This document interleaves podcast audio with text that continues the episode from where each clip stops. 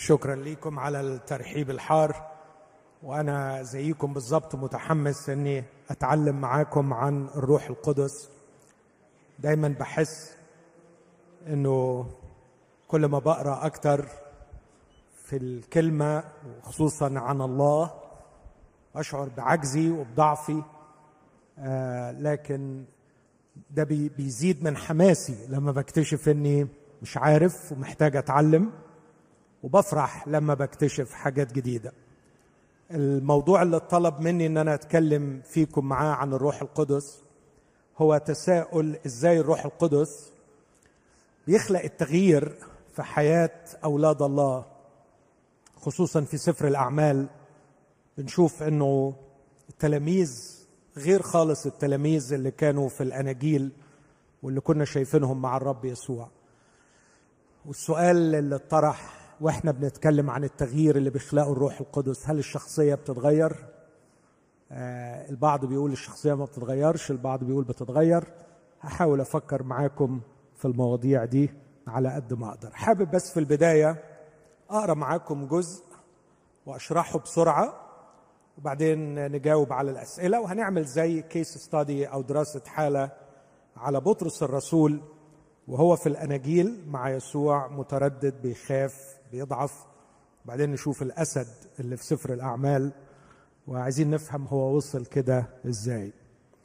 أستأذنكم نقف مع بعض وإحنا بنسمع كلمة ربنا من رسالة أفسس رسالة أفسس أصحاح ثلاثة وعايزكم وأنتم بتقروا معايا الجزء ده تلاحظوا الأقانيم الثلاثه وبيعملوا إيه فينا؟ وأنا فاكر إن وسيم لما أتكلم معاكم عن الروح القدس شرح شوية عن الثالوث وأعتقد إنه فهمتوا إلى حد ما آه، إزاي الأقانيم الثلاثة بتشتغل مع بعض مش بالاستقلال أحدهم عن الآخر. فعايزكم تشوفوا في الجزء ده الثالوث وعملوا فينا والغرض النهائي اللي عايز يوصلنا ليه.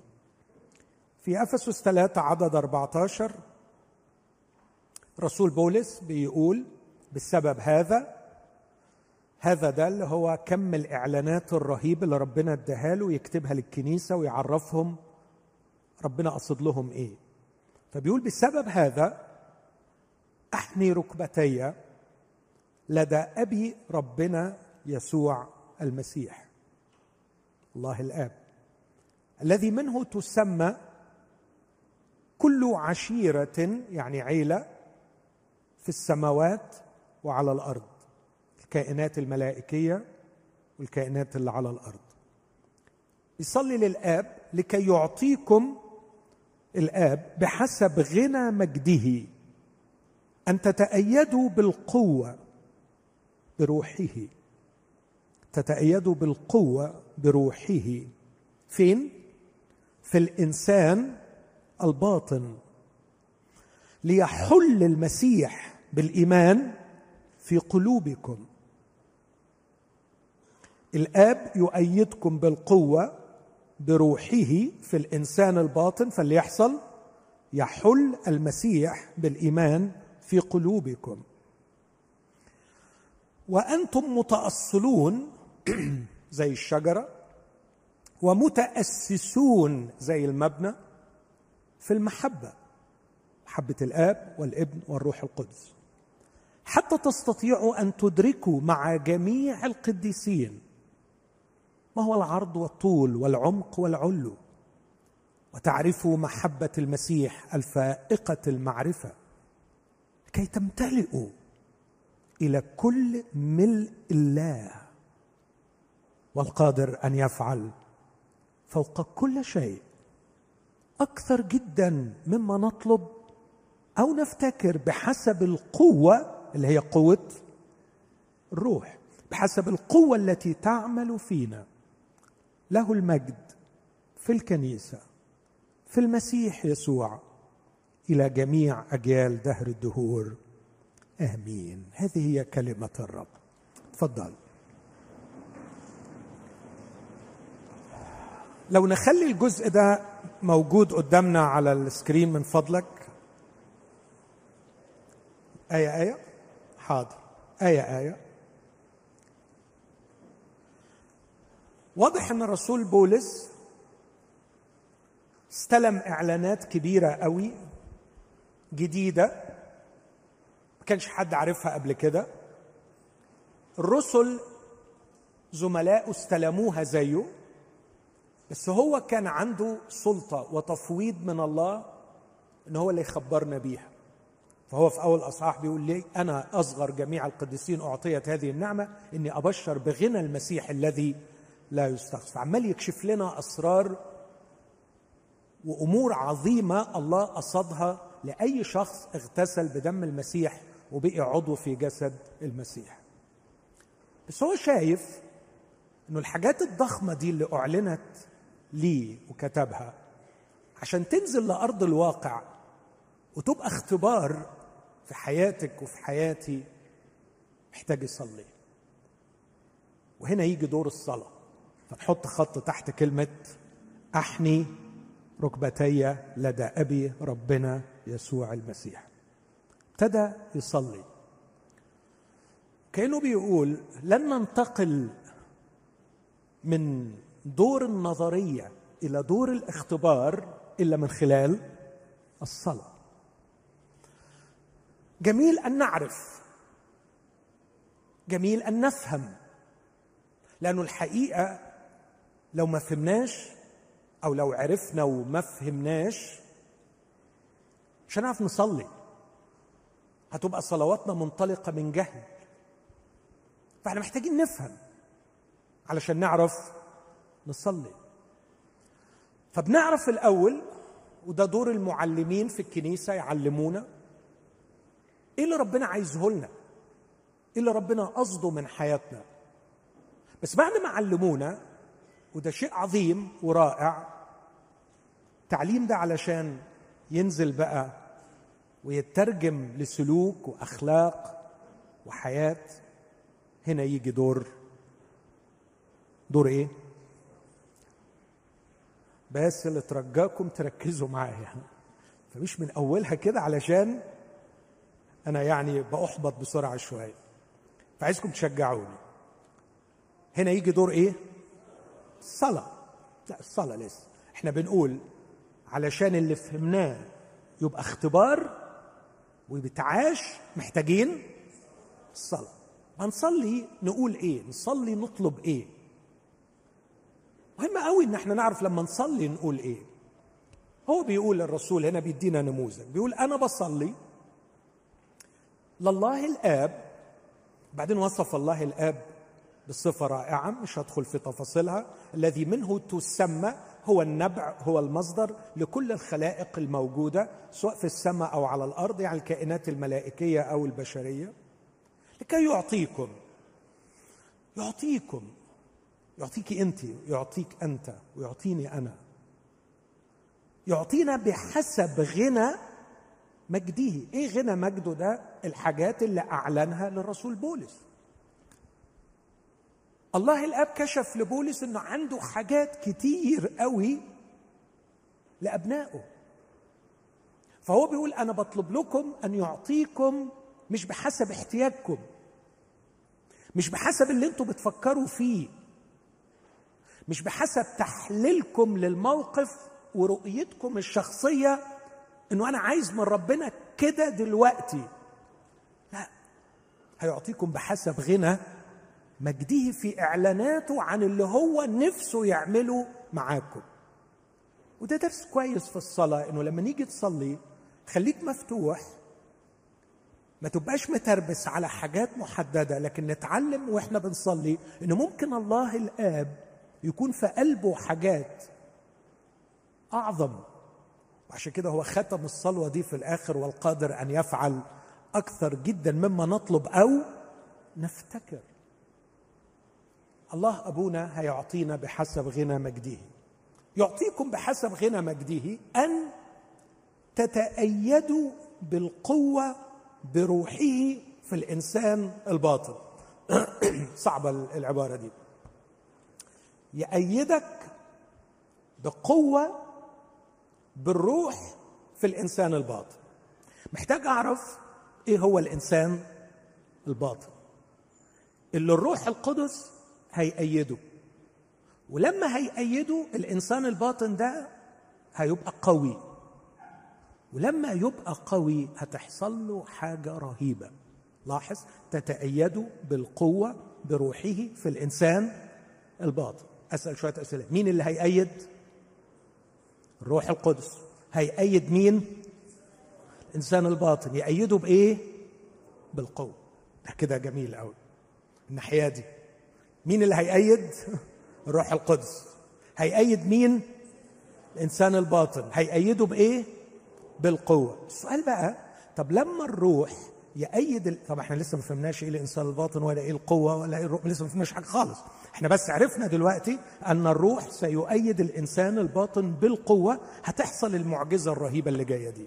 عدد 17 ليحل المسيح بالإيمان في قلوبكم.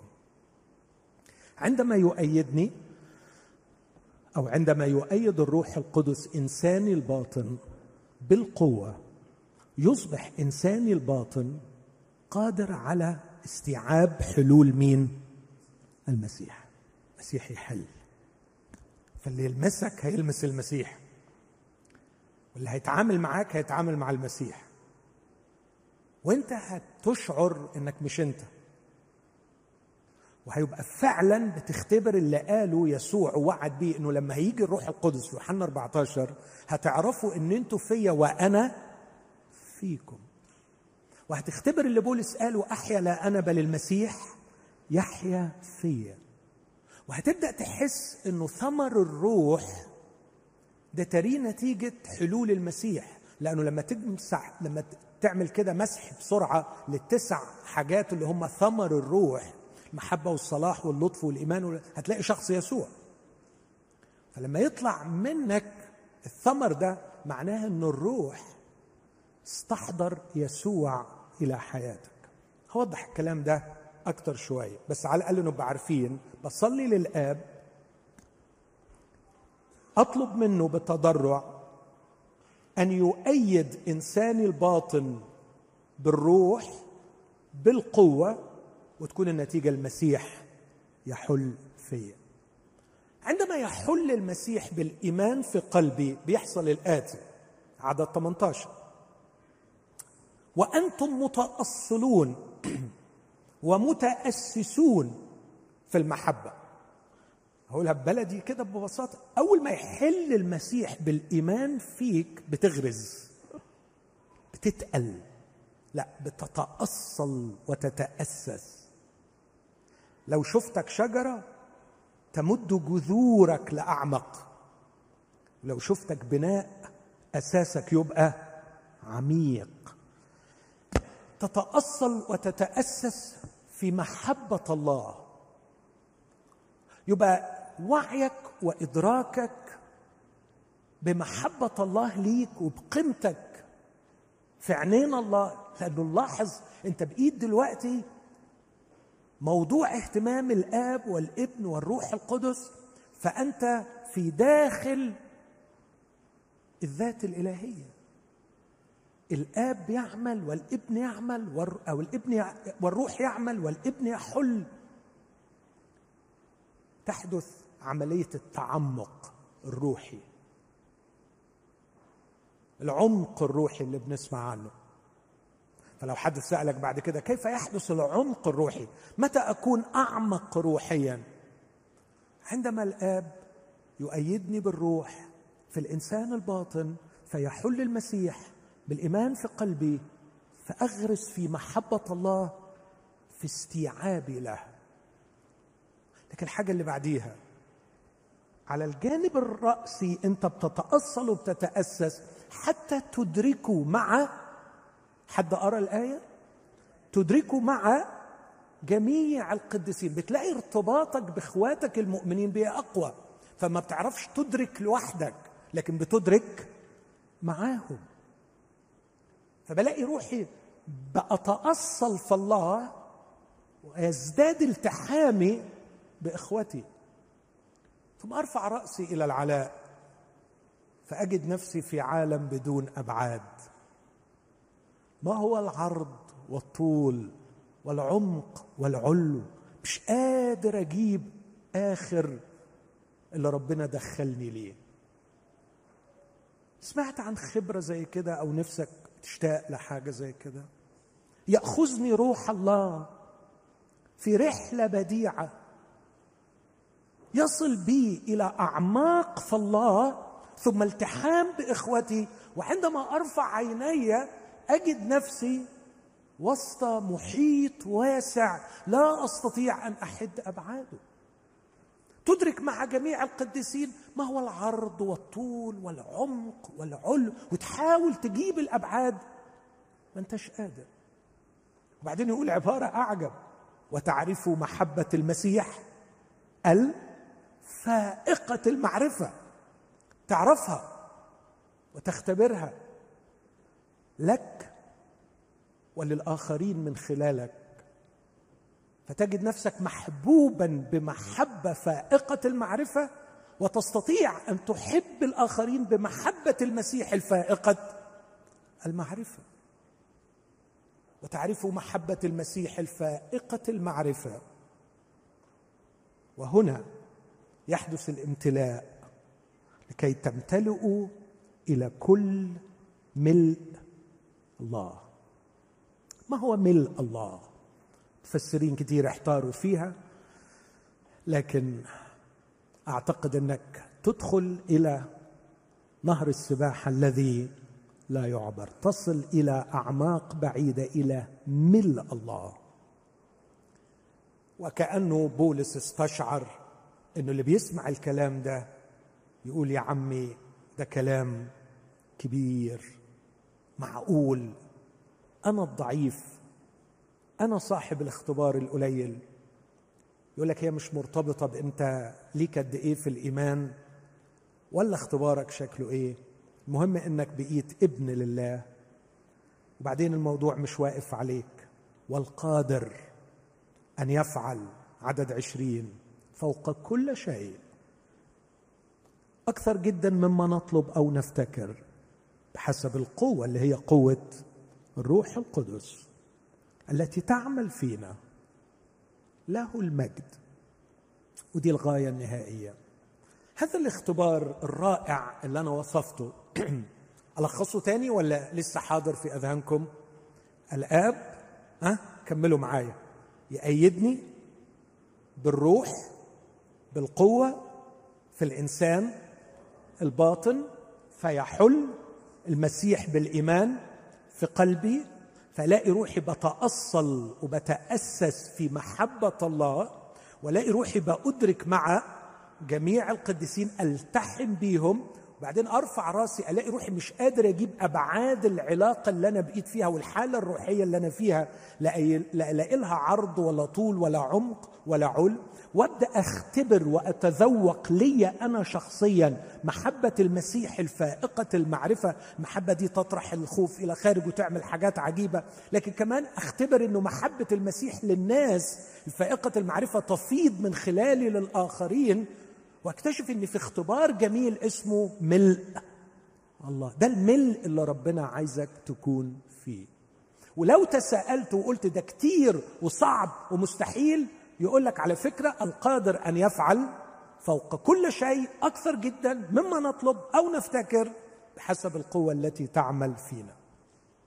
طبعا كان ممكن يقول والله قادر أن يفعل هذا رايت لو أنا قلت له ده كتير قوي عليا الاختبار اللي أنا وصفته ده كان ممكن يقول والقادر أن يفعل؟ سيفعل. بس هو حابب يطمنا فيقول والقادر أن يفعل فوق كل شيء.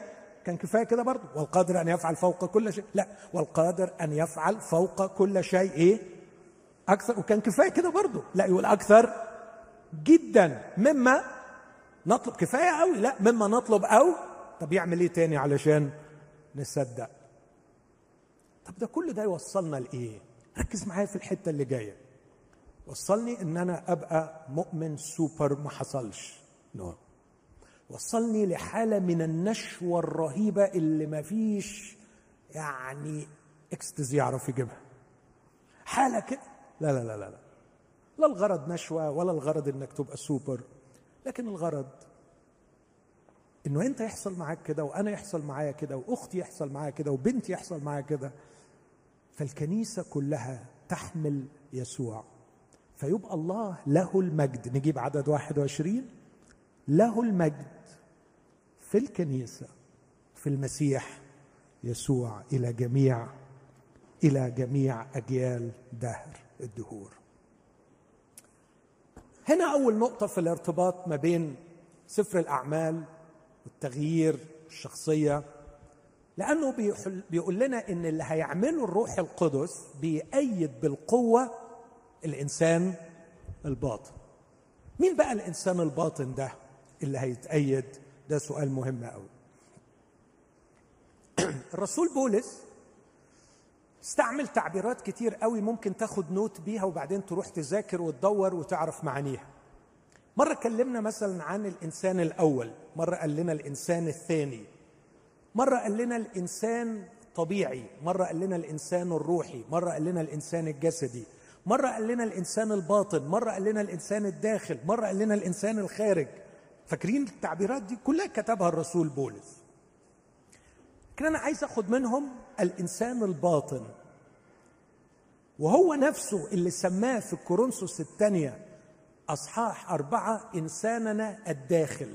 هي هي طبعا. الداخل هو الباطن. بس لما يقول الداخل أو الباطن يبقى في إنساننا الخارج right إنساننا الخارج. إنساننا الخارج هو ال physical يعني body بتاعك. وعشان كده يقول إن كان إنساننا الخارج يفنى فالداخل يتجدد يوما فيوم. فعلى الأقل دلوقتي نقدر نفهم إنه الإنسان الباطن هو الجزء الروحي فيك. أعتقد معظمنا مؤمن إن أنت لست مجرد ها؟ جسد لكن فيك كومبوننت روحي وفي جزء جسدي. فجأة لما بيموت الإنسان عجيبة فعلا الحكاية دي. كل الأعضاء شغالة. العين بتشوف وبتحلل وبتبعت الإشارات وتروح للمخ والمخ بيترجم ويبعت ويقول ده كذا ويتعرف على الأشياء والودن بتاخد والطبلة بتتهز وبتبعت بتحول الأصوات لإشارات كهربية وتروح للمخ والمخ كله شغال شغال شغال. بعدين فجأة shut down كله موجود. لو شرحت وحللت هو هو. بس it's not working خلاص. لأنه كان في كائن جوه اللي جراله مشي. ده اللي بنسميه الإنسان الباطن. شكرا حبيبي.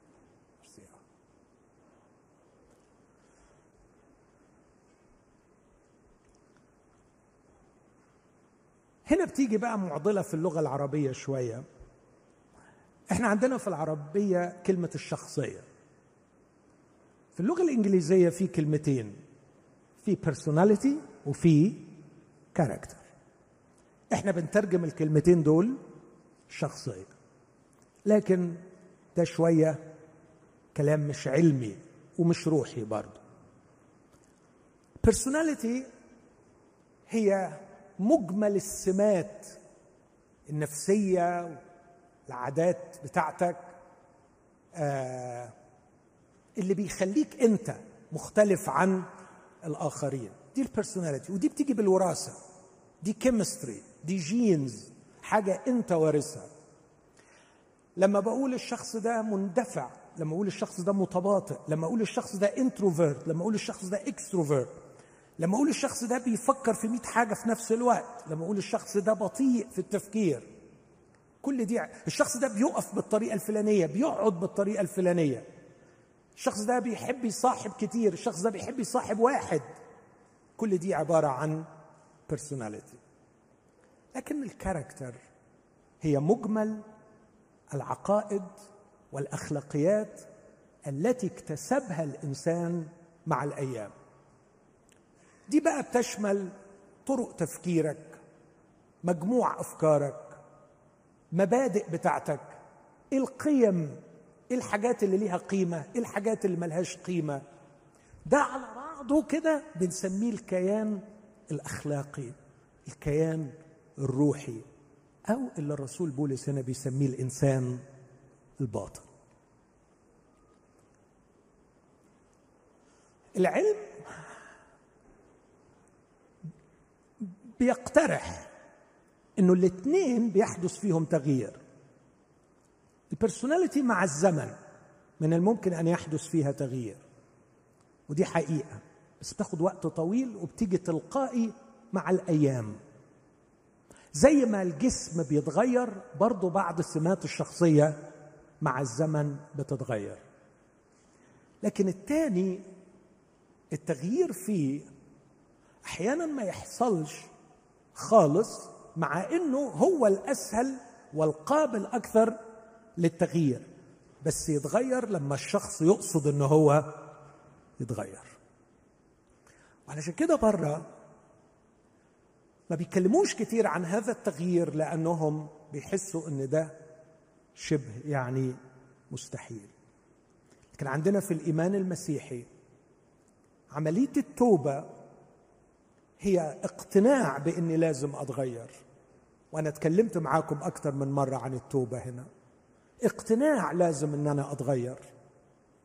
لما بشوف شخص يسوع المسيح وبشوف كيف كان يفكر وكيف كان يعيش وكيف كان يتصرف كيف كان يحلل وما هو منطقه وما هي أخلاقياته. بشتاق إن أنا أبقى زيه.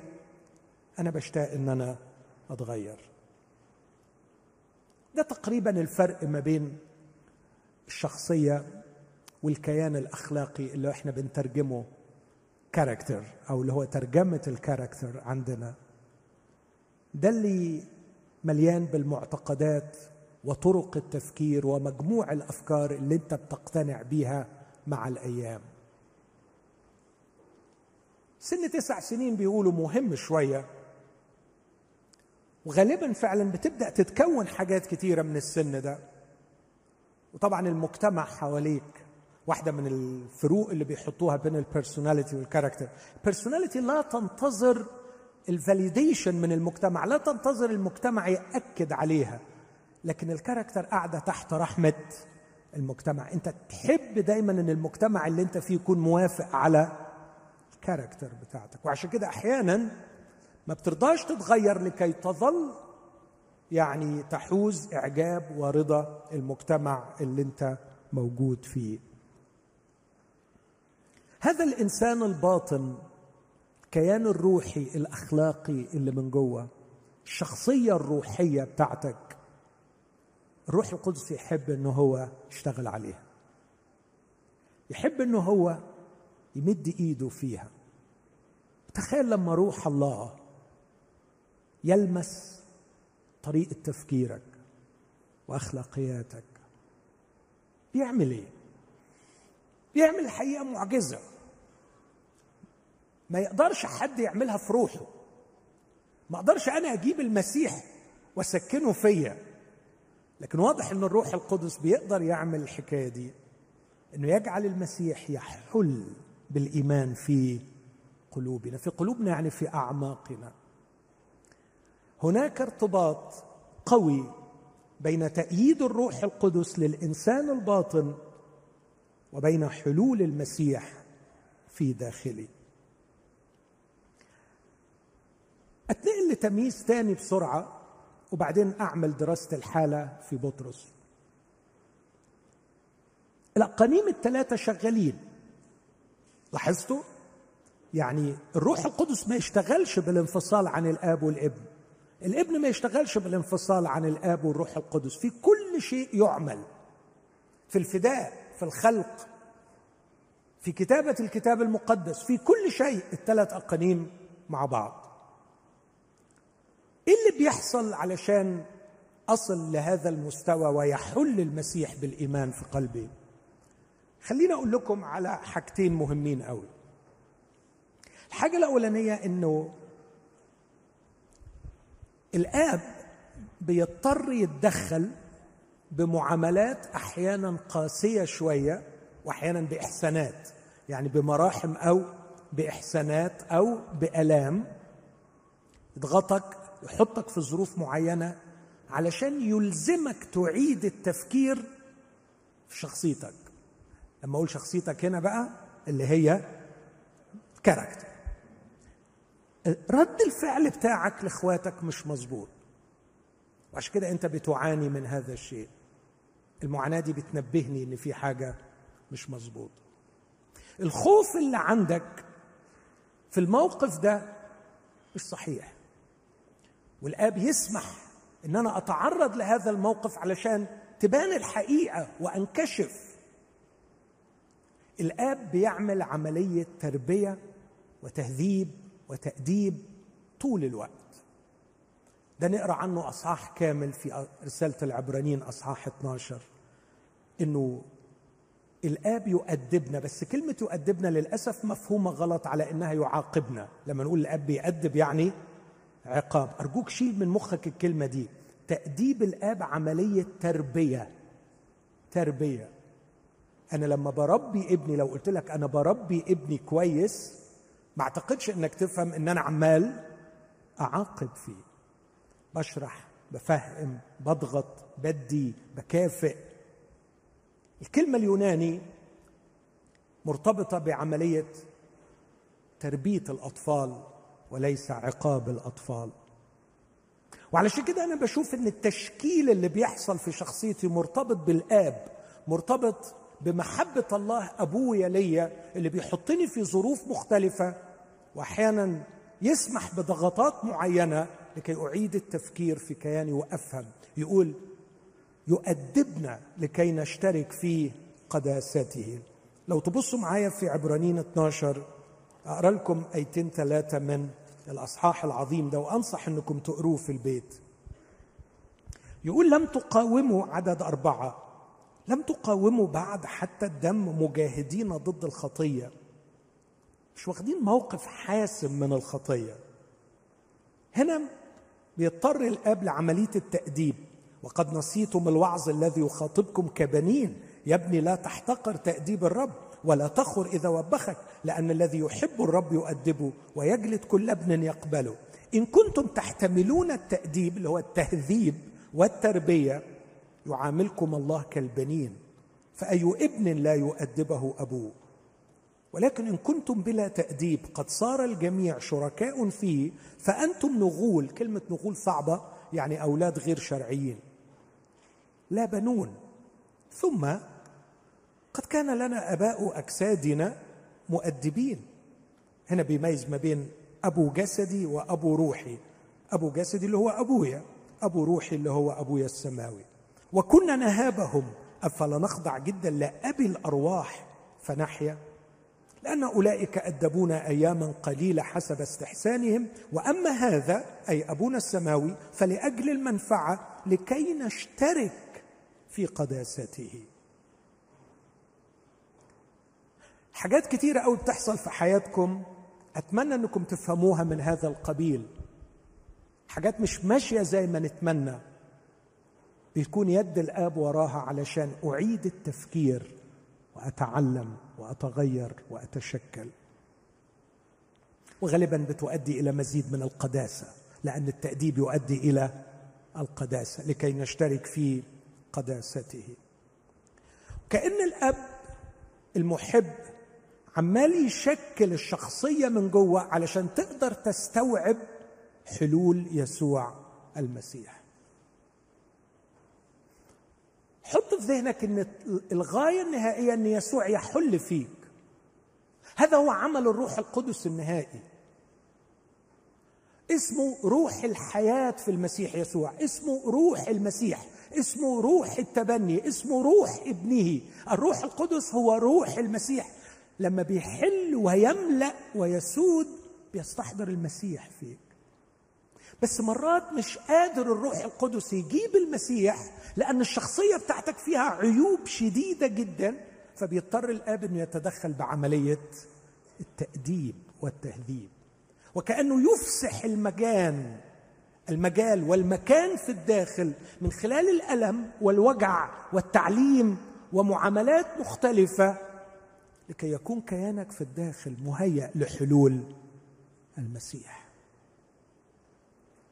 تقول لي يعني هو أنا مش مرتبط بالمسيح؟ أنت أكيد مرتبط بالمسيح بس في فرق بين إنك تكون مرتبط بالمسيح وأن يحل المسيح. هنا يظهر عمل الروح القدس. مجرد ما يلاقي إنه الكيان فعلا بيتهيأ أكثر وأكثر الروح القدس يؤيد هذا الكيان بقوة غير عادية تجعله يتسع لحلول المسيح. عيني على المسيح والآب يهذبني والروح يؤيدني فأجد نفسي في النهاية شخص يحل المسيح بالإيمان فيه. أتمنى الرابطة بين الثلاثة تكون واضحة بالنسبة لنا. لكن أنتقل بسرعة أوريكم إزاي الآب اشتغل في بطرس وإزاي الروح جعل المسيح يحل في بطرس في سفر الأعمال. أنا عندي مواقف كتيرة في حياة بطرس أشوف فيها ال character بايظة. خلوني أختار لكم موقف أو موقفين. يمكن من أشهر المواقف أعمال عفوا إنجيل متى أصحاح 16 في إنجيل متى أصحاح 16 بطرس البرسوناليتي بتاعته. لاحظ البرسوناليتي قيادي. impulsive. مندفع. هذه الشخصية المندفعة القيادية تحتاج لكم كبير من الحكمة الروحية علشان ما تعملش أخطاء. إيه اللي يرحمها من الخطأ في الوقت ده؟ good character لازم يكون في character تقيلة قوي علشان ما تخليش الشخصية دي تندفع وتعمل أخطاء. لكن اللي حصل مع بطرس حلو قيادي والرب يسوع موافق على إنه يكون الأول ويكون القيادي. وبعدين وهم قاعدين الرب سأل سؤال بعد رحلة طويلة وعمل معاهم مشوار رائع 120 كيلو. سألهم قال لهم الناس بيقولوا عني أنا مين؟ كل واحد قال له إجابة قال لهم وأنتوا بتقولوا إيه؟ فاكرين اللي حصل؟ بطرس قال له أنت هو المسيح ابن الله الحي. رب يسوع قال له طوبى لك يا سمعان ابن يونا لحما ودما لم يعلن لك لكن أبي الذي في السماوات. يبقى هنا دور مين؟ دور الآب. الآب بيعمل عملية إعلان تربية تعليم تهذيب. أعلن لبطرس إعلان عظيم. أن يسوع ليس هو فقط المسيح ملك اليهود المسيح ابن الله الحي الذي سيسحق الموت وسيأتي بالحياة. بطرس ابتهج جدا بهذا الإعلان وقالوا للمسيح والمسيح طوبه وقال له يا بختك الآب اعلن لك واسمع وأنا هعلن لك بقى إعلان من عندي وأنا أيضا أقول لك أنت بطرس وعلى هذه الصخرة أبني كنيستي وأبواب الجحيم لن تقوى عليه إعلان من الآب وإعلان من الإب. يا بختك يا بطرس. يسوع قال إحنا كده دخلنا في الجد وابتدت الإعلانات تيجي وابتدوا يفهموا إن في ابن الله الحي اللي هيقهر الموت. أكشف لهم بقى أنا هقهر الموت إزاي؟ فمن ذلك الوقت ابتدأ يسوع يظهر لتلاميذه أنه سوف يموت. بالضبط. أنه ينبغي أن يذهب إلى أورشليم ويتألم كثيرا من الشيوخ ورؤساء الكهنة والكتبة ويقتل وفي اليوم الثالث يقوم. مين اللي قاعد بيسمع الكلام ده؟ بطرس. قلنا من شوية البرسوناليتي بتاعته leader و impulsive راح عمل إيه؟ لاحظ الخطورة هنا راح قايل ليسوع. طلع يجري على يسوع. كان لسه في الحماسة بتاعه طوبى لك سمعان ابن يونا. ولسه فرحان بالموضوع ده. فأخذه إليه. تخيل الجرأة. أخذ راح جارر يسوع كده. وابتدأ ينتهره قائلا حشاك يا رب لا يكون لك هذا. أنا يتهيألي التلاميذ آه، كانوا في حالة صدمة. بطرس أنت بتعمل إيه؟ مشهد اتقلب لم يعد بطرس تلميذ لكن صار معلم. وأصبح بطرس هو القائد حتى على المسيح. وهو اللي بيقرر إيه الصح وإيه الغلط؟ أصبح بينتهر يسوع المسيح. المصيبة السوداء دي. بس هذه هي الشخصية غير المضبوطة بالكاركتر. الكاركتر هشة ضعيفة.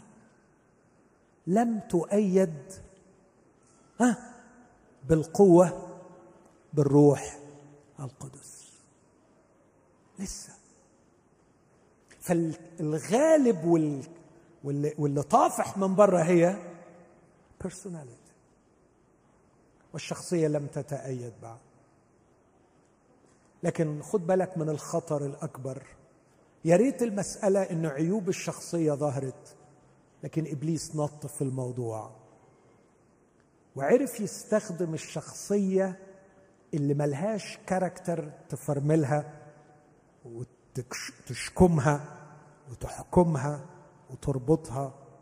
فنط إبليس وعشان كده يسوع فالتفت وقال لبطرس اذهب عني يا شيطان أنت معثرة لي لأنك لا تهتم. لاحظ الكلمة هنا لا تهتم بما لله لكن بما للناس. لو هترجمها بالإنجليزية يمكن تكون أوضح. You don't have the mind of God. You have the mind of man. انت بتفكر مش بالطريقة اللي ربنا بيفكر فيها. تفتكروا أنا كنت بقول الكاركتر هي مجموع الإيه؟ ها؟ معتقدات والأفكار والأخلاقيات والقيم. كل ده لسه ما تهذبش كل ده لسه ما حصلش شغل عليه. أعتقد إن منظره كان وحش قوي قدام التلاميذ. لما يسوع بيقول له اذهب عني يا شيطان. مظبوط؟ من شوية كان بتاع الإعلانات وكل التلاميذ بيبصوا له بحسد يا بختك يا بطرس إعلان جاي من الآب وإعلان جاي من الابن العملية ماشية معاك مفيش زيك محدش قدك طوبى لك يا سمعان ابن يونا. وبعديها مفيش بدقيقتين اذهب عني. يعني انت واقع قوي طلعت حاجة أي كلام وأكيد منظره قدام بقية التلاميذ كان مسخرة ساعتها أكيد قعد خجلان من نفسه كم يوم. خدتوا بالكم من الموقف؟ هذا هو بطرس. في حالة شخصية هي الغالبة على الكاركتر والكاركتر لم تؤيد بقوة الروح القدس. لكن في موقف تاني معظمنا فاكره عشان اختصار للوقت. أسوأ موقف عدى فيه تاني. إمتى؟ الإنكار. برافو عليكم الرب يسوع حاول يحميه من الموقف ده. بكل الطرق حاول يحميه. لكن تشوفوا التربسة بتاعت الدماغ والطريقة اللي كان عايش بيها. كذا مرة الرب يحاول يفهمه يا ابني يا حبيبي يا ابني أنا بقول لك افهم.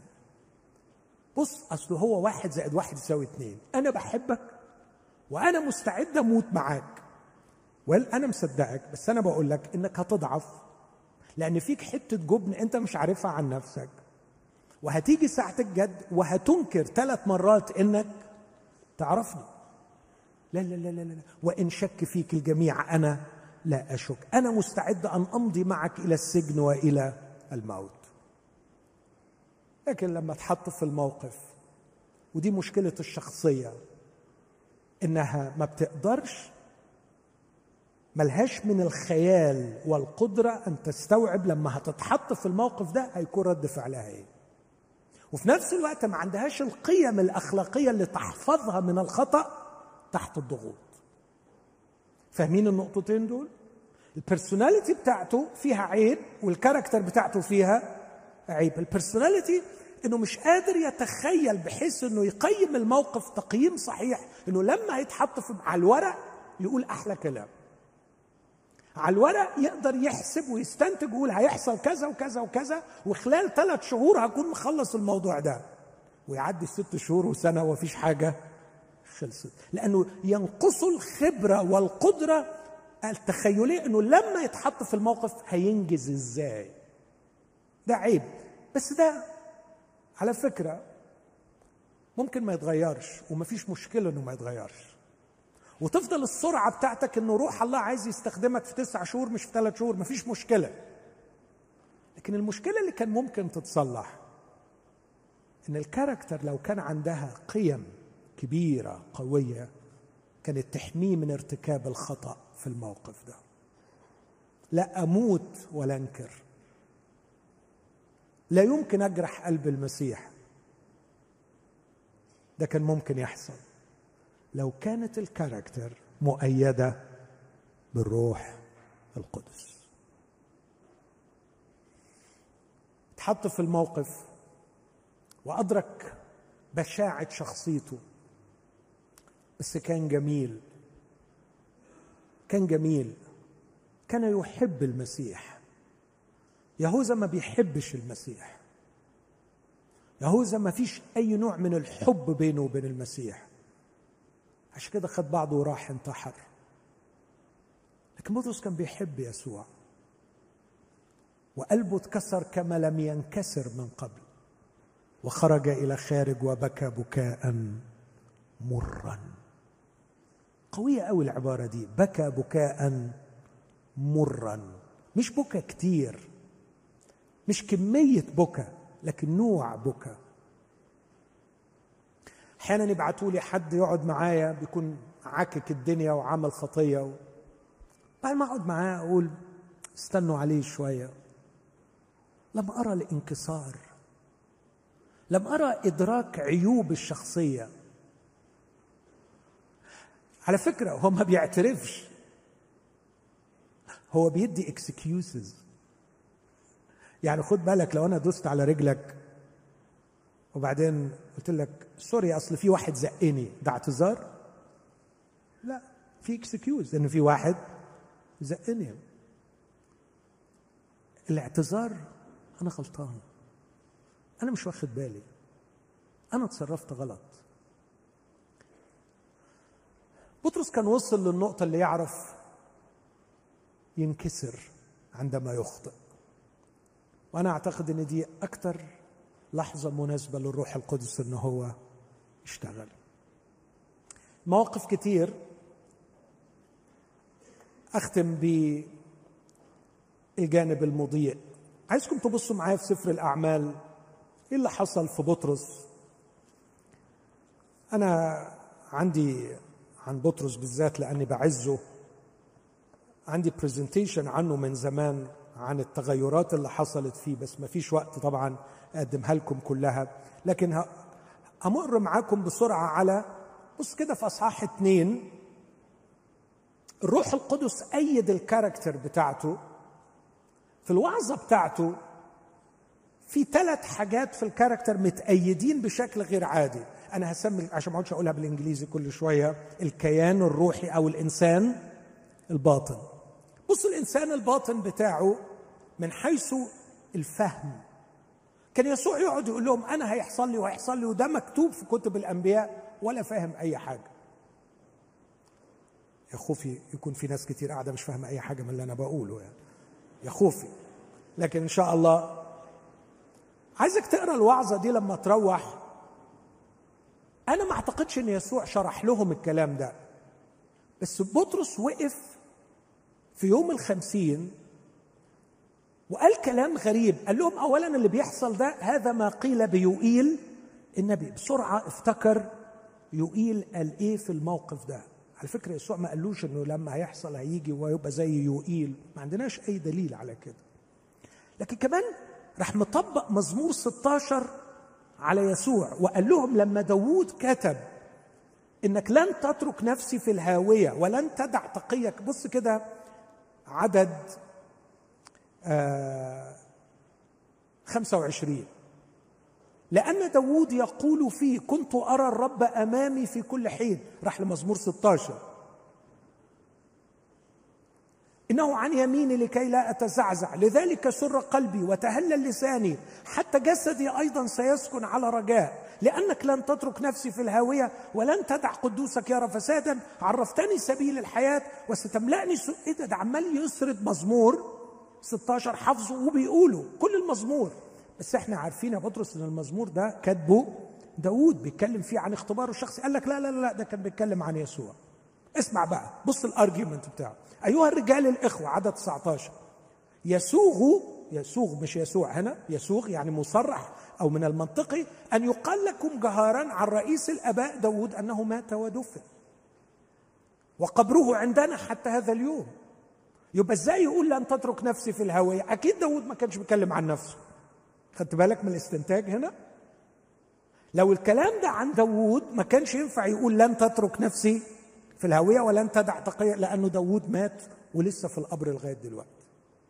لكن يقول في عدد 30 فإذ كان نبيا وعلم أن الله حلف له بقسم أنه من ثمرة صلبه يقيم المسيح حسب الجسد ليجلس على كرسيه. سبق فرأى وتكلم عن قيامة المسيح أنه لم تترك نفسه في الهاوية ولا رأى جسده فسادا فيسوع هذا أقامه الله ونحن جميعا شهود لذلك. وإذا ارتفع بيمين الله وأخذ موعد الروح القدس من الآب سكب هذا الذي أنتم الآن تبصرونه وتسمعون.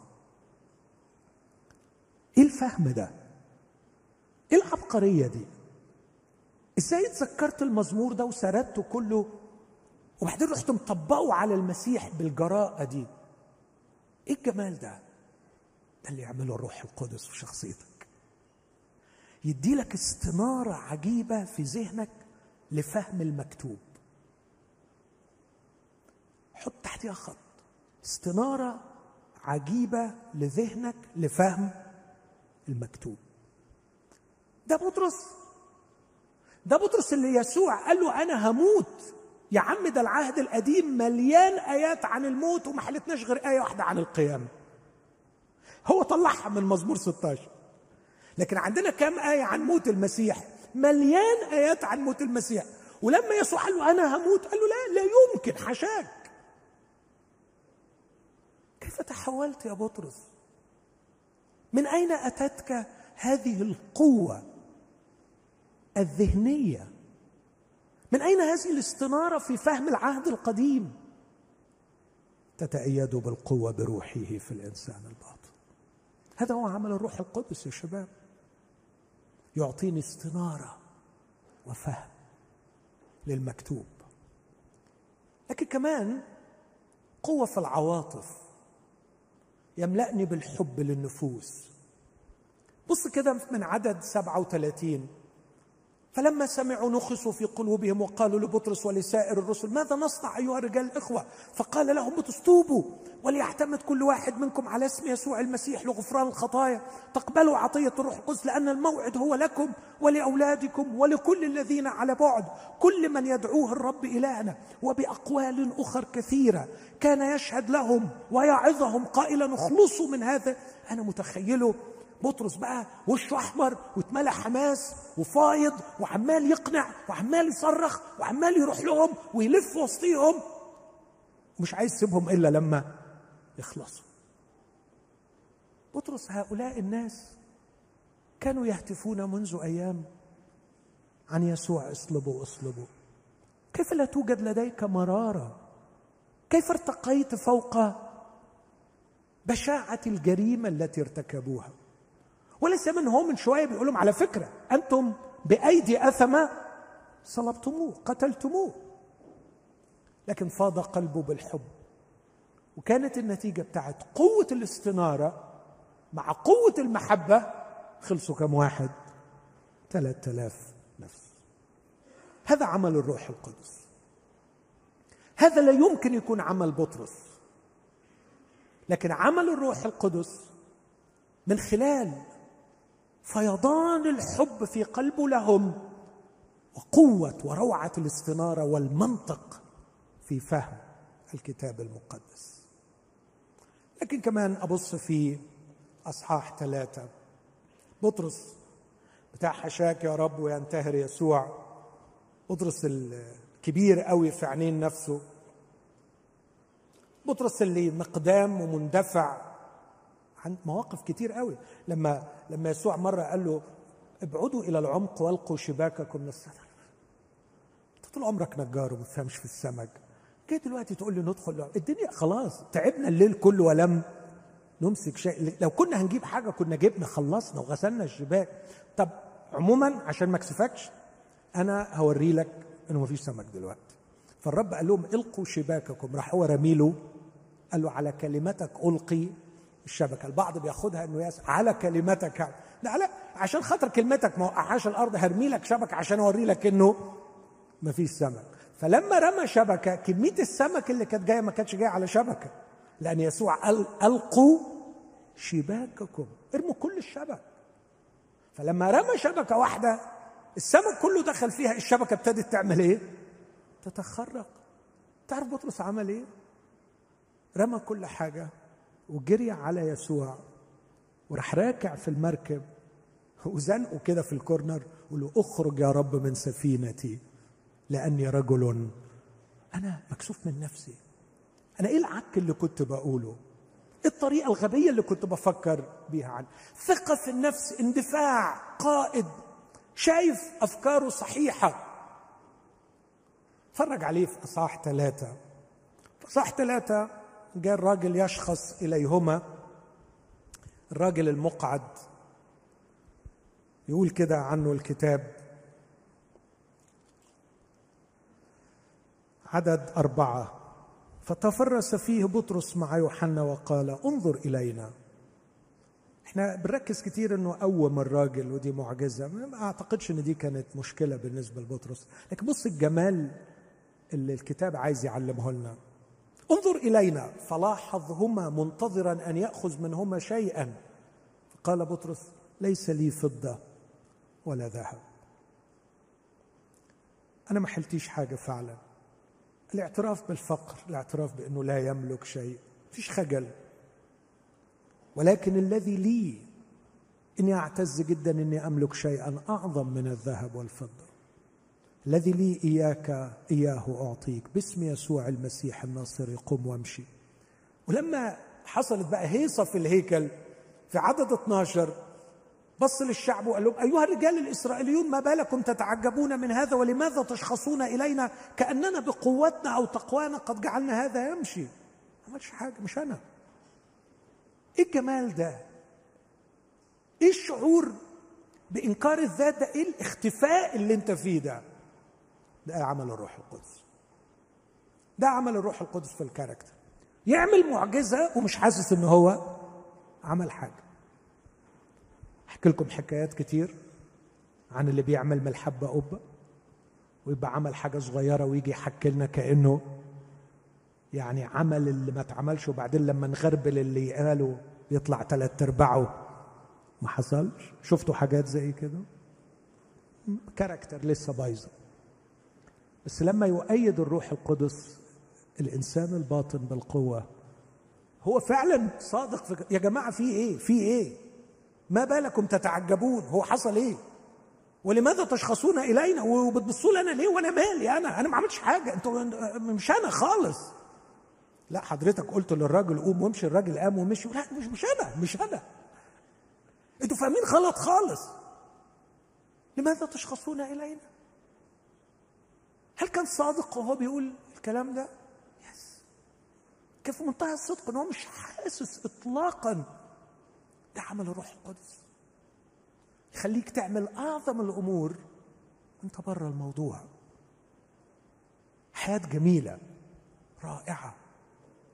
لكن أوصل لأهم حاجة الجبان الغلبان اللي قدام واحدة جارية خرب الدنيا وعكها وقعد يقول أنا ما اعرفوش وسب وحلف ولعن. اتفرجوا عليه بقى قدام رؤساء الكهنة مش قدام جارية في أصحاح أربعة عدد ثمانية. عدد ثمانية لما بيحكموهم حينئذ بص الجمال امتلأ بطرس من روح القدس. وقال له يا رؤساء الشعب وشيوخ إسرائيل إن كنا نفحص اليوم عن إحسان إلى إنسان سقيم. بماذا شفي هذا؟ فليكن معلوما عند جميع عند جميعكم وجميع شعب إسرائيل أنه باسم يسوع المسيح الناصري الذي صلبتموه أنتم الذي أقامه الله من الأموات بذاك وقف هذا أمامكم صحيحا. هذا هو الحجر الذي احتقرتموه أيها البناؤون الذي صار رأس الزاوية وليس بأحد غيره الخلاص لأن ليس اسم آخر تحت السماء قد أعطي بين الناس. به ينبغي أن نخلص. إيه الجمال ده؟ ده اللي كان واقف قدام الجارية؟ لا هو. بس الروح القدس أيد الإنسان الباطن. أيد الإنسان الباطن بقوة طفت ونضحت وطلعت على البرسوناليتي لاحظ ده مش بطرس. حتى البرسوناليتي حتى الموروث بتاعه اختفى بسبب قوة وفيضان الروح القدس. هقول كلمة غريبة شوية. ده مش معناه إن البرسوناليتي بتاعته اتغيرت. لكن في اللحظة دي تأييد الروح القدس وفيضان الروح فيه غطى على الشخصية بتاعته. ليه بقول كده؟ لأنه مثلا في موقف في غلطيا بعد الحكاية دي بسنين كان بياكل مع الأمم بس لما جه ناس من عند يعقوب عمل إيه؟ حد فاكر؟ خاف. فحتة الخوف موجودة في شخصيته موجودة في البرسوناليتي بالطبيعة لكن لما الروح بيؤيد الإنسان الباطن بيرتقي ويسمو حتى فوق صفاته الوراثية وعيوبه الموروثة. في أعمال خمسة أرى الشركة العميقة مع الله التمييز المعجزي الصلاة القوية التي تزعزع المكان لما يتهان ويتألم يطلع فرحان من أجل المسيح. الاتضاع الرهيب. وآخر حاجة لما سجنوه هيرودس سجنه في أصحاح 12 وسجنوا سجن سخيف. سجنوا بعد ما قطع راس يعقوب يعني مية المية هيعمل إيه؟ هيقطع راسه. وبعدين حبسوا ب 18 عسكري. يعني اثنين ماسكينه كل واحد بسلسلة من إيده وأربعة أرابع يعني كل جنب فيه أربع عساكر. تخيل 16 عسكري حواليه واثنين هو مربوط فيهم. لو كل واحد فيهم بس قال إحم يعني ما يعرفش ينام. وفي وسط ده بطرس راح عمل إيه؟ ونام نوم عميق لدرجة إن الملاك لما جه يصحيه مش عايز يصحى فاضطر إن هو يضربه ضربه في جنبه قوم قوم. أنا لما بحلل الموقف ده ليه بطرس نام نوم عميق؟ كان وصل لحالة من الحب في يسوع والثقة فيه غير عادية. والروح القدس أيد الإنسان الباطن بقوة غير عادية. ففكروا بكلمة قالها له يسوع. في يوحنا 21 ويسوع هيصعد خلاص هيسيبهم. يوحنا آه سأل بيتكلم مع يسوع عن بطرس وبطرس بيتكلم عن يوحنا. المهم في الآخر يسوع قال له إنك أنت متى شخت آخر يمنطقك ويحملك إلى حيث لا تشاء؟ قال هذا عن أية ميتة كان مزمعا أن يمجد الله بها. فربط الاثنين متى شخت أية ميتة يبقى أنا مش هموت إلا لما أشيخ. فعشان كده الموضوع ده مش هيتم. آه، بس هو قتل يعقوب امبارح وهيخلص عليك وأديك محبوس وهيروح يجيبك. قال يقول اللي هو عايز يقوله. أنا متأكد مش هموت إلا لما أشيخ. وراح نام نوم عميق. ما هذا السلام؟ ما هذه الثقة؟ ما هذه الروعة؟ هذا هو عمل الروح القدس. إيه اللي أنصحكم بيه يا شباب أنصح بثلاث حاجات بسرعة شديدة. الروح القدس قريب جدا الروح القدس ساكن فيكم. الروح القدس يشتاق أن يعمل أعمال عظيمة من خلالكم. إلا أنه عمله الأكبر والأعظم أن يجعل المسيح يحل بالإيمان في قلوبكم. التصرفات الحلوة اللي عملها بطرس تقدر تقول اللي عملها فيه هو مين؟ المسيح. كان المسيح يعمل فيه وده اللي قاله بولس. لا أنا بل المسيح. كل حاجة حلوة عملها في سفر الأعمال المسيح عملها بس عملها المسيح فيه لأن الروح القدس كان يؤيده لماذا لا يؤيدنا الروح القدس في كل الأوقات؟ لأنه لا نخضع لتأديب الآب. لا نخضع لمعاملات الآب. الآب بيحاول ينظف ويشكل الكيان الداخلي بتاعنا عشان يخلي الروح يؤيده. وإحنا ما بنخضعش. مصرين نستمر بنفس المعتقدات وبنفس الأخلاقيات. مصرين نستمر بنفس المعتقدات وبنفس الأخلاقيات. وبنحصد من وراها الألم وللأسف شديد ما بنتوبش. عندما نخضع للآب في تأديبه يؤيدنا بالقوة بروحه في الإنسان. الباطن. فيحل المسيح بالإيمان في قلوبنا فتظهر الصورة اللي ظهرت في بطرس في سفر الأعمال. دي النصيحة الأولى. النصيحة الثانية. في أفسس خمسة اتكلم كتير عن اللي بيعمله الروح القدس وفي كلوسي ثلاثة قال نفس الحاجات بس قالها بطريقة تانية.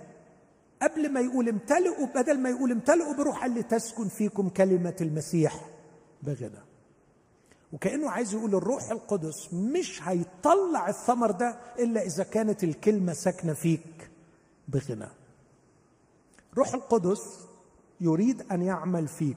نمرة واحد المعطل إنك مش بتخضع لتأديبات الآب. نمرة اثنين إنك بتهمل كلمة الله. الحاجتين دول فكر فيهم. لو الآب نبه أبوك السماوي نبهك لحاجة غلط توب. عشان يقدر يأيدك بالروح القدس. خلي الآب يشكل ويغير في كيانك. ثم امتلئ بكلمة المسيح. تقرأ الكتاب المقدس قد إيه؟ وبتجاهد مع الكتاب المقدس قد إيه؟ مرات كتيرة لغاية النهاردة بقرأ أصحاحات وبتنرفز. وبقول له ربنا حرام أنا مش فاهم أي حاجة. ما ينفعش كده. يقول لي معلش صارع جاهد اتعب شوية. وفي حاجات كتير لغاية دلوقتي مش قادر أفهمها. وفي حاجات كنت فاهم إن أنا فاهمها زمان ودلوقتي اكتشفت إن أنا مش فاهمها خالص. بس تعرفوا ليه؟ لأنه ده كتاب الله. لأنه كلمة الله. احترم الكتاب المقدس واقرأه كثيرا. لتسكن فيكم كلمة المسيح بغنى بوفره على قد ما تمتلئ من الكلمة على قد ما الروح القدس يؤيدك ويعمل فيك. والنصيحة الثالثه قالها الرسول في أفسس أربعة لا تحزنوا روح الله القدوس الذي به ختمتم ليوم الفداء. الروح القدس رقيق جدا على قد ما إنه قوي جدا جدا على قد ما إنه رقيق جدا. وأبسط الأشياء تحزنه. مش يعني بيتقمص لا لكن حساس.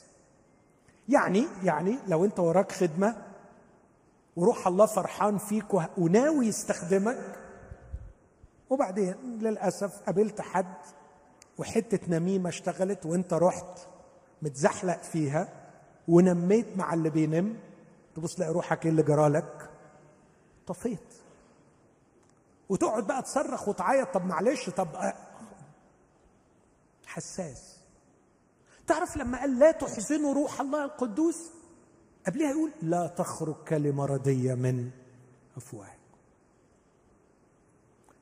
تعالوا بينا نخضع لتأديب الآب لما يشكلنا وينظفنا ويغيرنا وتكون التوبة أجمل ممارسة نعملها وأسهل حاجة علينا نعملها. تعالوا بينا نتملي بالكتاب المقدس. تعالوا بينا نحرص على مشاعر الروح القدس. فلا نحزنه إذا عشنا الثلاث حاجات دول أوعدكم هنعيش سفر الأعمال. وهنختبر اللي اختبروه الرسل لأن روح الله لم يتغير وما زال الآب يريد أن يكون له المجد في الكنيسة في المسيح. أمين؟ تعالوا نقف مع بعض ونصلي الثلاث صلوات دول.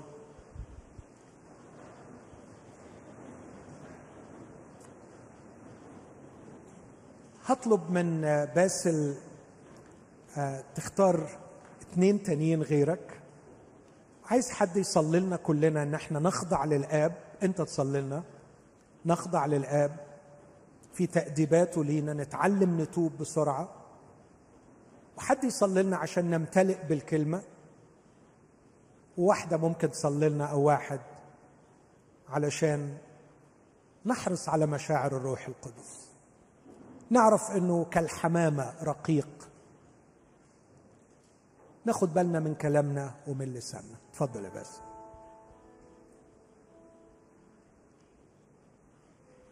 نرنم ترنيمة وبعدين بس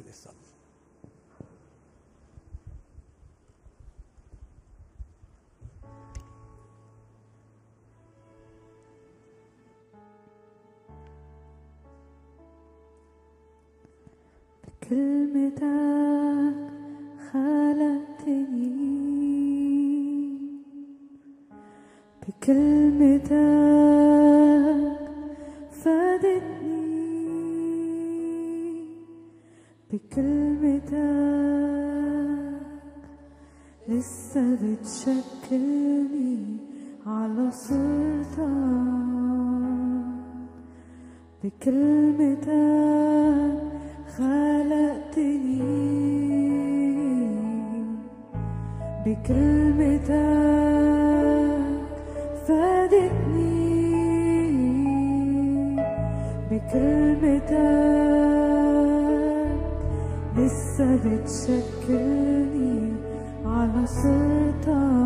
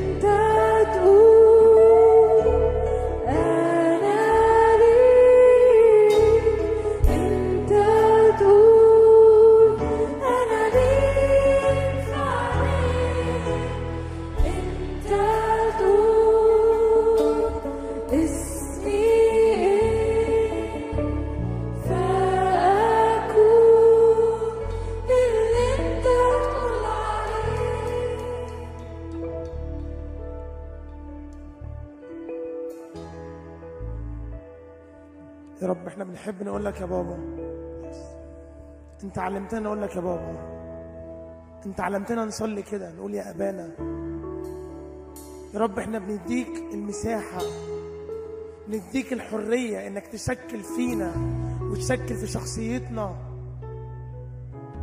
يا رب إحنا نسينا إن أنت عايز عايز تشكل فينا. أنت عايزنا نبقى شبهك.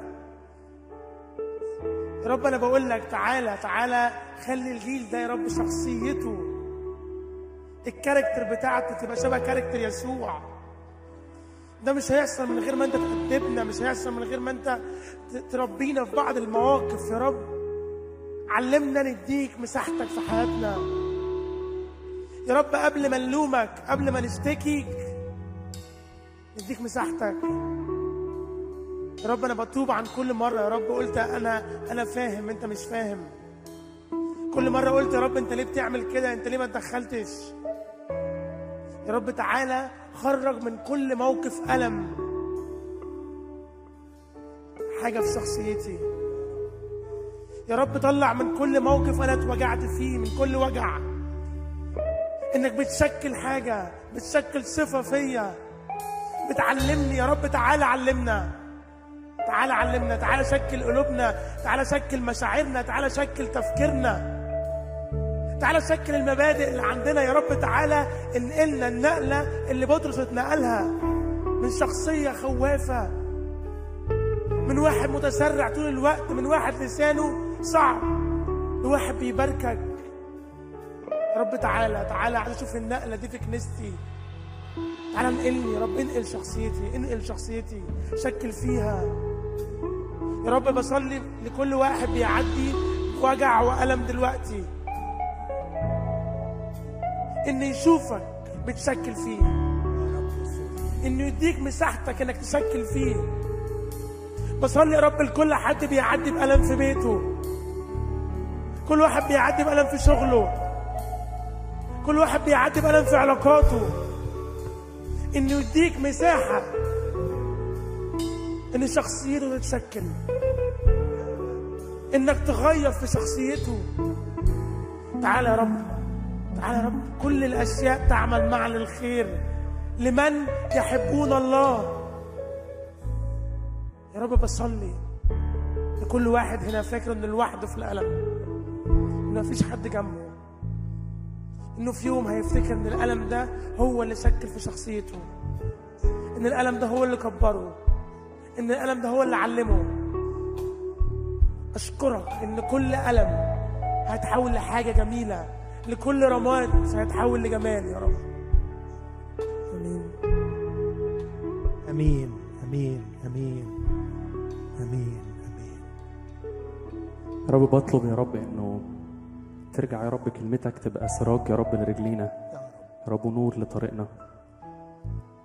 يا رب عايزين نرجع يا رب نشتاق يا رب تاني يا رب نقعد قدام كلمتك يا رب ما نبقاش فاكرين انه الايمان بكميه معلومات نعرفها أو نسمعها على المنبر لكن يا رب حياتنا الحقيقيه يا رب هي في خلوتنا يا رب يا رب اللي بيكبرنا هو ان إحنا نقعد قدام كلمتك يا رب ونعرفك أكتر من كلمتك يا رب ونعرف يا رب إحنا مين يا رب ونعرف ضعفاتنا يا رب ونعرف يا رب عجز يا رب وقصور شخصيتنا ونعرف يا رب إزاي نتعامل معاك وازاي يا رب انه رحمتك ومحبتك يا رب بتشمل وبتساعي يا رب كل ضعفات في شخصيتنا يا رب بصلي يا رب انه كل مره نبقى بنقعد فيها قدام الكلمة يا رب تبقى بتنور يا رب حقائق جديده يا رب عنك وبتنور يا رب معرفه وادراك جديد يا رب عنك فتغيرنا وتخلينا يا رب شبهك وتخلينا يا رب على صورتك يا رب والتغيير ده يا رب يخلينا نشتاق نقعد قدامك تاني. ونشتاق يا رب نبقى زيك أكتر. ونشتاق يا رب نتغير لصورتك وعلى شبهك. يا رب بصلي يا رب إنه الجيل ده يبقى جيل يا رب مختلف. يا رب يبقى جيل بيحب الكلمة. يا رب يمكن دلوقتي ظروفنا وأوقاتنا بتخلي صعب إن إحنا نقعد قدام الكلمة وصعب إن إحنا نقعد أوقات طويلة قدام الكلمة. لكن يا رب أنت تقدر يا رب من يا رب من إنه أنت بتعلن لنا يا رب من الكلمة حاجات جديدة فتخلينا نشتاق لها أكتر فتخلينا نسيب كل حاجة في اليوم وتخلينا نسيب كل انشغالات وكل حاجات بتبعدنا يا رب عنك ون- ونخصص وقت في يومنا يا رب إن إحنا نقعد قدام الكلمة ونتعلم. آمين.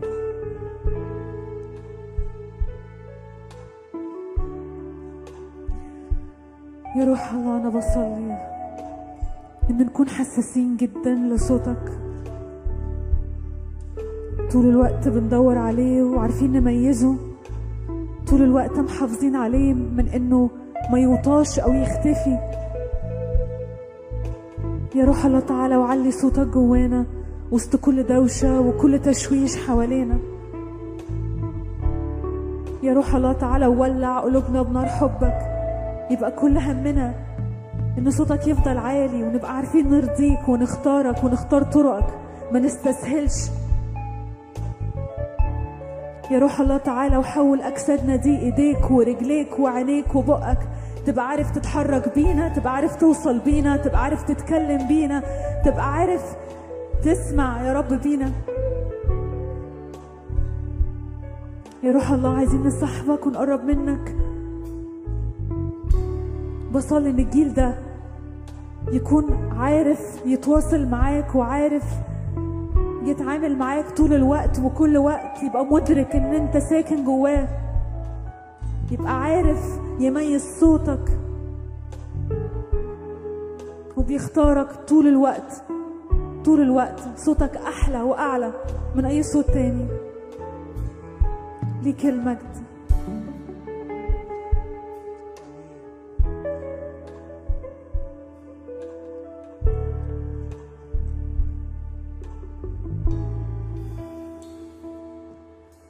انت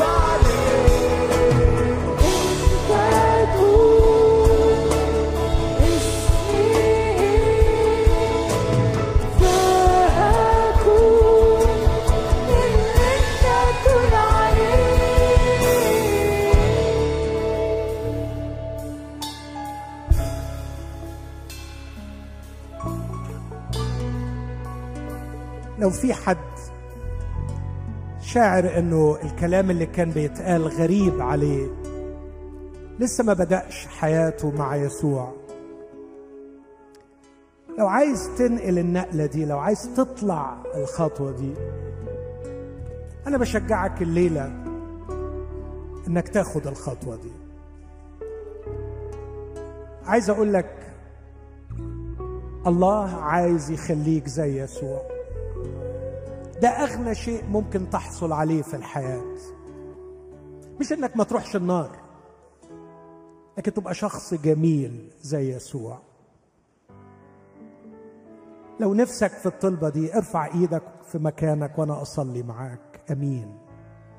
صلي معايا قول له يا أبي يا أبي اغفر خطيتي. امحو إثمي. أعطني حياة. اسكن في روحك. اخرجني من الحبس. كسر قيودي. اطلقني حرا. اعطني أن أختبر الحياة الجديدة. أيها الآب المحب أستودعك. نفوس أنت تحبها وأنت تنادي عليها. أستودعك نفوس أنت عارف قلوبها قد إيه بتعاني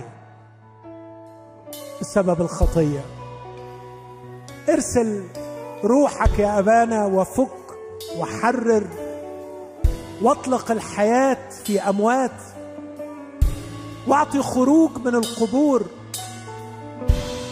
تعال أيها الرب يسوع واجذب خرافك من يد العدو القتال. اغتنم لنفسك غنيمة. افرح لأنك وجدت خروفك الضال. وفرحنا معك. أيها الآب المحب أرنا عودة الابن الضال. فرح السماء ودعنا نفرح معك. عايز أصلي كمان مع كل شخص شاعر إنه الفترة اللي فاتت أهمل الاختلاء بالكتاب المقدس. لو عندك شعور بال بالخجل إنك أهملت تعال ما نيأسش على اللي فات تعال نعترف للرب بإهمالنا بخطيتنا تعال نبدأ من جديد من النهارده. كنت مع شاب في استراليا الأسبوع اللي فات. يقول لي قعدت فترة طويلة في حياتي بقرأ خمسين أصحاح كل يوم. أنا خجلت منه. يمكن ما افتكرش إن أنا كنت بقرأ ابدا خمسين أصحاح في اليوم. كبيري عشر أصحاحات في اليوم. ابدأ أنت بثلاث أصحاحات في اليوم. ثلاث أصحاحات يعني عشر دقائق جرب إنك تحفظ آية كل يوم. لتسكن فيكم كلمة المسيح بغنى. كلمة الله سراج لرجلي ونور لسبيلي. كلمة الله بتخلق كيانك من جوه. صارع معاها وحاول تفهم. اكتب أسئلة فيها. اطلب من الرب إنه يعطيك استنارة. اللي نفع بطرس يوم الخمسين وروح القدس إنه كان يقيل في ذهنه كان قاري كان عارف. صلي معايا. يا رب اكذب قلبي للكتاب. اجعلني أحب الكلمة. مكتوب يلهج فيها نهارا وليلا. اغفر خطيتي لأني أهملتها. رجعني تاني لخلوتي مع كلمتك. واشعل أشواقي لفهمها. تكلم بها حين تجلس وحين تمشي في الطريق. حتى تهديك إذا سرت وتحدثك إذا نمت. أعطني يا رب هذا الاختبار مع الكلمة. في اسم المسيح يا أبي. آمين.